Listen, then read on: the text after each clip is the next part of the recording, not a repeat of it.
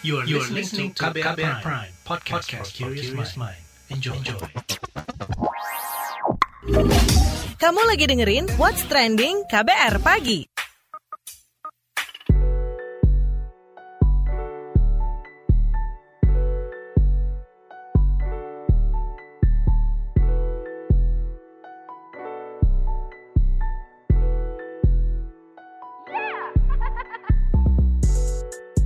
KBR Pagi, siaran pagi radio paling update. Selamat pagi, kembali lagi dan ready menemani pagi hari Anda semuanya di hari Rabu 4 Agustus 2021 di What's Trending KBR Pagi pastinya.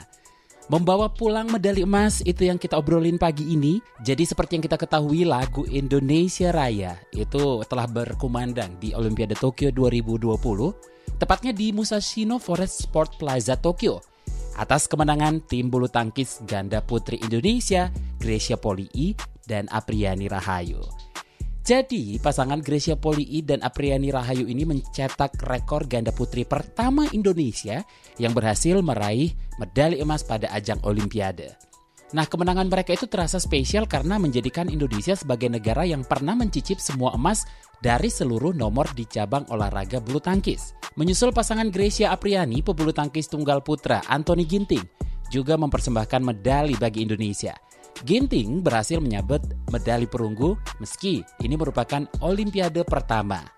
Dengan hasil ini, kontingen Indonesia telah mengumpulkan 5 medali sepanjang Olimpiade Tokyo 2020 digelar. Tiga medali lain disumbang cabang angkat besi dengan satu perak dan dua perunggu. Sebelum kita bahas lebih lanjut, kita simak dulu opini warganet plus 62 berikut ini.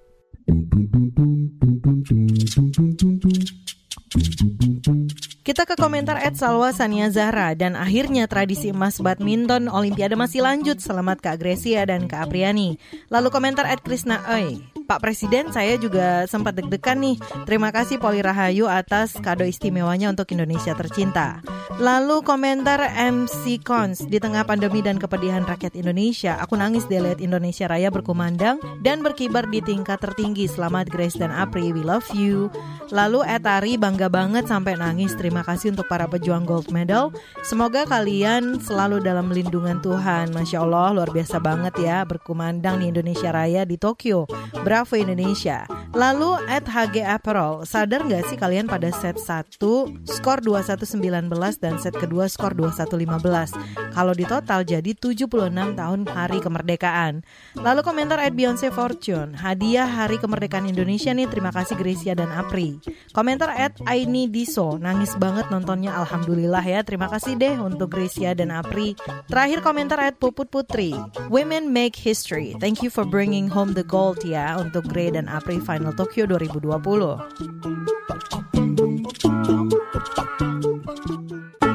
What's Trending KBR Pagi kita lanjutkan lagi ngobrolin soal membawa pulang medali emas yang lagi diobrolin uh, beberapa hari ini. nah, Presiden Joko Widodo juga menunggu kedatangan Gracia Polii dan Apriani Rahayu ke Istana Negara usai meraih emas Olimpiade. Jokowi mengapresiasi keberhasilan mereka mengalahkan wakil Tiongkok Chen Qingchan dan Chia Yifan di babak final. Kepala negara mengatakan kemenangan Gracia dan Apriani ini menjadi kado ulang tahun ke-76 kemerdekaan Indonesia. Berikut kita simak obrolan Presiden Joko Widodo bersama Gracia Polii dan Apriani Rahayu usai pertandingan. Terima kasih. Selamat sore. Grace dan Apri. Saya mewakili seluruh rakyat Indonesia mengucapkan selamat atas keberhasilan emasnya. Sekali lagi selamat atas keberhasilan mempertahankan uh, tradisi emas Olimpiade bagi Indonesia. Saya betul-betul senang banget.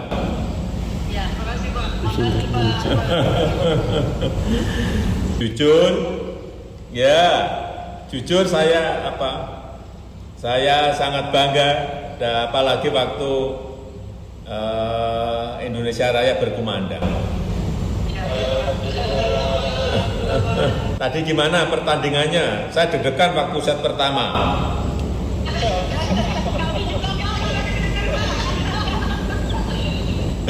Nyaris terkejar tadi ya. Ya, tapi set, set, set kedua saya lihat uh, jauh lebih tenang.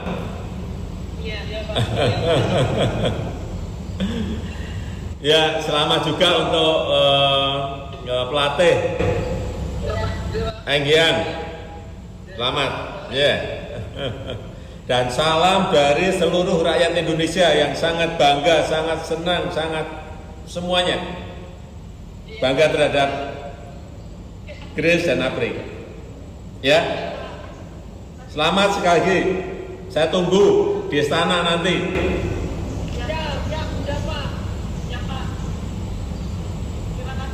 Terima kasih semuanya. Terima kasih. Ya, terima kasih Pak Ukto. Terima kasih. Terima kasih banyak Pak. Terima kasih. Terima kasih Pak. Terima kasih Pak. Dirgahayu Indonesia dan 70 Merdeka.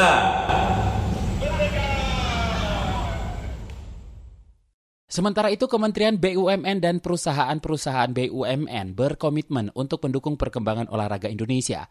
Menteri BUMN Erick Thohir berkomunikasi langsung secara virtual dengan Gracia Podi dan Apriani Rahayu usai meraih emas bulu tangkis Olimpiade Tokyo. Sekarang kita dengarkan obrolannya. Halo Pak Erik. Halo Gracia. Halo Pak Erik. Saya terharu. Halo Pak Erik. Dari tahun 2012 Gracia. Pak Erik, Pak Erik masih ingat kami Pak. Aduh, jangan memilih lawan. Ini hadiahnya gantinya ya Pak. Ini. Pak, makasih Pak selalu bilang sama saya menyerah. Makasih waktu 2012 selalu bilang sama saya maju untuk 2016. Setelah 2016 Bapak juga ingatkan saya sama Titin. Jangan berhenti dulu Grace. 2020 masih ada. Terima. Hadiahnya Ya. Pak. Ini luar biasa loh permainannya. Makasih Pak. Top, top, top. Selamat ya, selamat. Sampai ketemu di Jakarta. Nanti kita akan ngobrol dengan ex pemain bulu tangkis tunggal putra di era 90-an. Siapa dia? Jangan ke mana-mana, tetap di What's Trending KBR Pagi.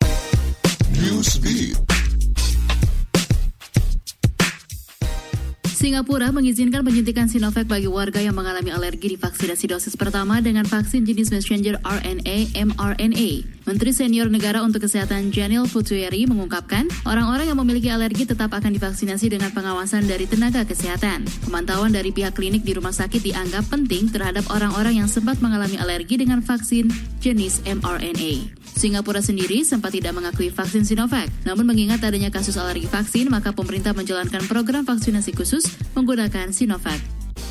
Jerman akan memulai program vaksinasi dosis ketiga bagi lansia pada 1 September mendatang. Melansir AFP, pemerintah Jerman menyasar lansia dan orang-orang yang memiliki resiko tinggi penularan COVID-19 untuk diberikan booster COVID-19. Menteri Kesehatan Jerman mengungkapkan, draft aturan terkait booster pun masih harus dibicarakan lebih lanjut. Program vaksinasi booster bagi lansia ini pun akan dijalankan secara mobile di mana vaksinasi mobile akan dikirimkan ke panti jompo dan pusat perawatan lansia. Selain booster, pemerintah juga mendorong rencana vaksinasi bagi anak usia 12 sampai 17 tahun. Direktur Jenderal Organisasi Kesehatan Dunia WHO Tedros Adhanom Ghebreyesus berterima kasih kepada Minhuk BTOB yang berbagi pengalamannya terkait COVID-19. Tedros mengungkapkan rasa terima kasihnya karena Minhyuk ikut mengingatkan para penggemarnya untuk berhati-hati di tengah pandemi COVID-19 dan ia juga mendoakan Minhyuk supaya bisa pulih seutuhnya setelah keluar dari rumah sakit. Beberapa waktu yang lalu, member boyband Korea Selatan itu melakukan siaran Instagram yang menceritakan pengalamannya masuk rumah sakit karena terinfeksi COVID-19 dengan gejala. Min Hyuk juga meminta penggemarnya untuk berhati-hati sebab banyak kasus COVID-19 tanpa gejala.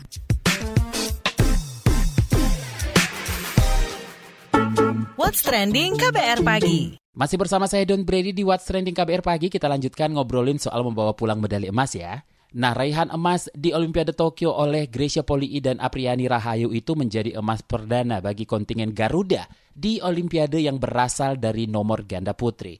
Membahas lebih lanjut, prestasi tim Merah Putih di ajang Olimpiade Tokyo 2020, seperti yang saya katakan tadi, kita akan ngobrol bareng ex pemain bulu tangkis tunggal putra era 90-an, ada Haryanto Arbi.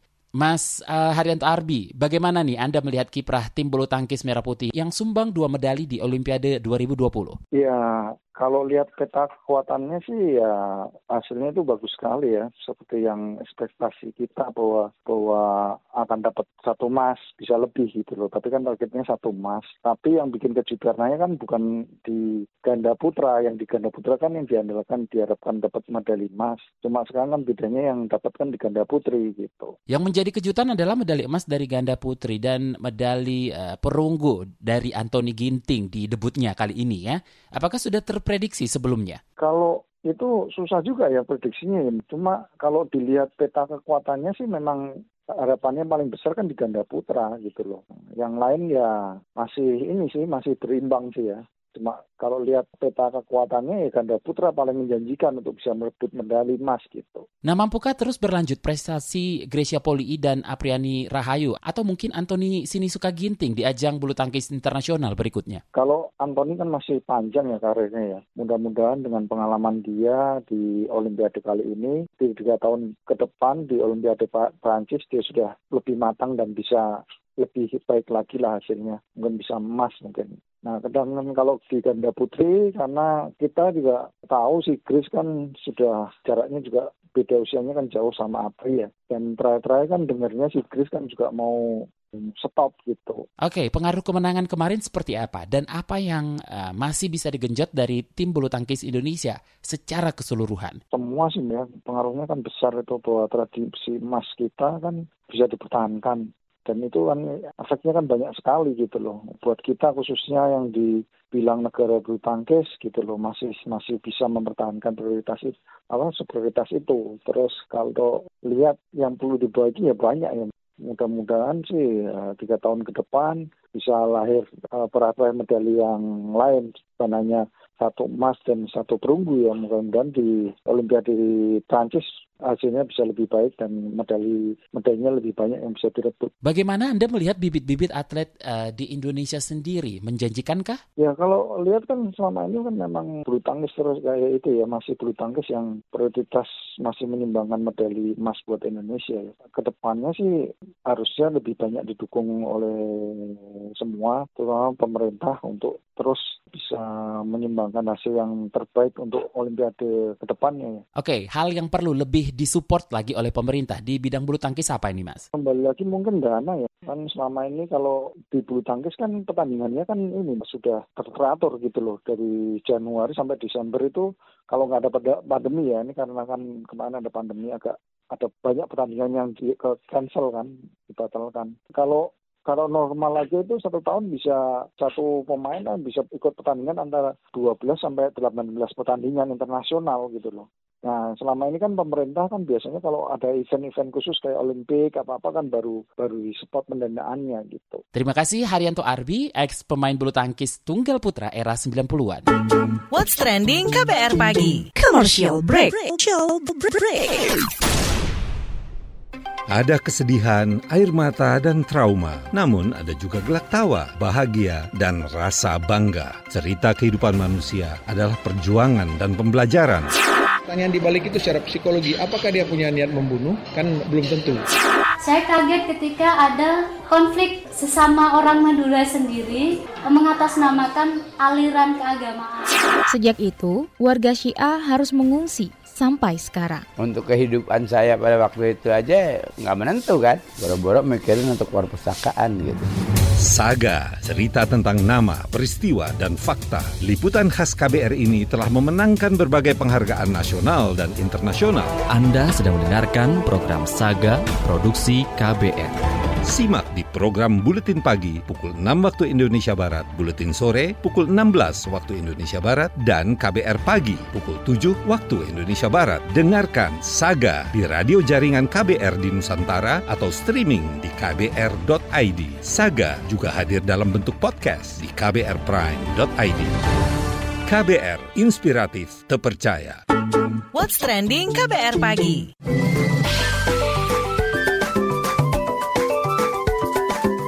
WhatsApp Indonesia.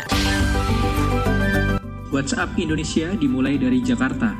Menteri Koordinator Bidang Perekonomian Airlangga Hartarto mengatakan, saat ini pemerintah tengah mempercepat pembuatan regulasi dan sistem pendistribusian bantuan dana kepada pelaku usaha mikro dan kecil sebagai bentuk dukungan pemerintah selama pemberlakuan pembatasan kegiatan masyarakat atau PPKM diberlakukan. Ia berharap bantuan sebesar 1,2 juta per orang untuk 1 juta target itu bisa segera dibagikan. Menteri Koordinator Bidang Perekonomian Erlangga mengatakan, bantuan itu merupakan tambahan dari program untuk UMKM yang sebelumnya telah berjalan. Sebelumnya, Menteri Keuangan Sri Mulyani dan Menteri Kooperasi Teten Masduki mengatakan, akan membuat formula terkait realisasi bantuan UMK yang selama ini masih rendah. Sri Mulyani bahkan mengatakan akan memberi intervensi agar dana-dana di daerah untuk menangani pandemi segera dicairkan. Selanjutnya menuju Rembang, Jawa Tengah. Jalur tikus di Rembang, Jawa Tengah ramai dilewati warga meski berisiko. Belasan pengendara sepeda motor terjatuh karena nekat melintasi jalan alternatif pematang sawah setelah Jalan Pemuda perempatan Galonan ditutup akibat pemberlakuan pembatasan kegiatan masyarakat atau PPKM. Menurut pengakuan warga sekitar, hampir setiap hari ada pengendara sepeda motor yang terperosok ke sawah. Jalan pematang sawah yang ramai di antaranya di sebelah utara Gapura, masuk Dusun Torejo, Desa Mondo Teko. Kabak Operasional Polres Rembang, Muhammad Mansur mengatakan penutupan jalan besar untuk membatasi kegiatan masyarakat Pembatasan itu untuk menekan penyebaran COVID-19. Kebijakan itu akan dievaluasi setelah perpanjangan PPKM dihentikan. Terakhir mampir Nusa Tenggara Timur. Komite Warisan Dunia atau UNESCO meminta pemerintah Indonesia menghentikan seluruh proyek pembangunan infrastruktur di Taman Nasional Komodo, Nusa Tenggara Timur. Keputusan itu tertuang dalam dokumen Komite Warisan Dunia UNESCO yang diterbitkan setelah konvensi virtual pada 16 hingga 31 Juli 2021. Informasi itu disebar melalui unggahan akun Twitter dan Instagram Kawan Baik Komodo. Penghentian proyek itu dilakukan sampai pemerintah Indonesia mengajukan revisi analisis mengenai dampak lingkungan atau AMDAL untuk ditinjau Uni Internasional Konservasi Alam atau IUCN. Sebelumnya, pemerintah tengah mengembangkan kawasan pariwisata di tiga pulau, yakni Pulau Rinca, Pulau Padar, dan Pulau Komodo. Pengembangan ini dilakukan untuk mendukung target pemerintah mendatangkan 500 ribu pengunjung ke Labuan Bajo dan sekitarnya. Demikian WhatsApp Indonesia hari ini. Demikian KPR pagi hari ini. Jika Anda tertinggal siaran ini, Anda kembali bisa menyimaknya di podcast What's Trending yang ada di Spotify, di kbrprime.id, dan di aplikasi mendengarkan podcast lainnya. Don Brady undur diri, besok kita ketemu lagi. Stay safe, bye-bye. Terima kasih ya sudah dengerin What's Trending KBR Pagi. KBR Prime, cara asik mendengar berita. KBR Prime, podcast for curious mind.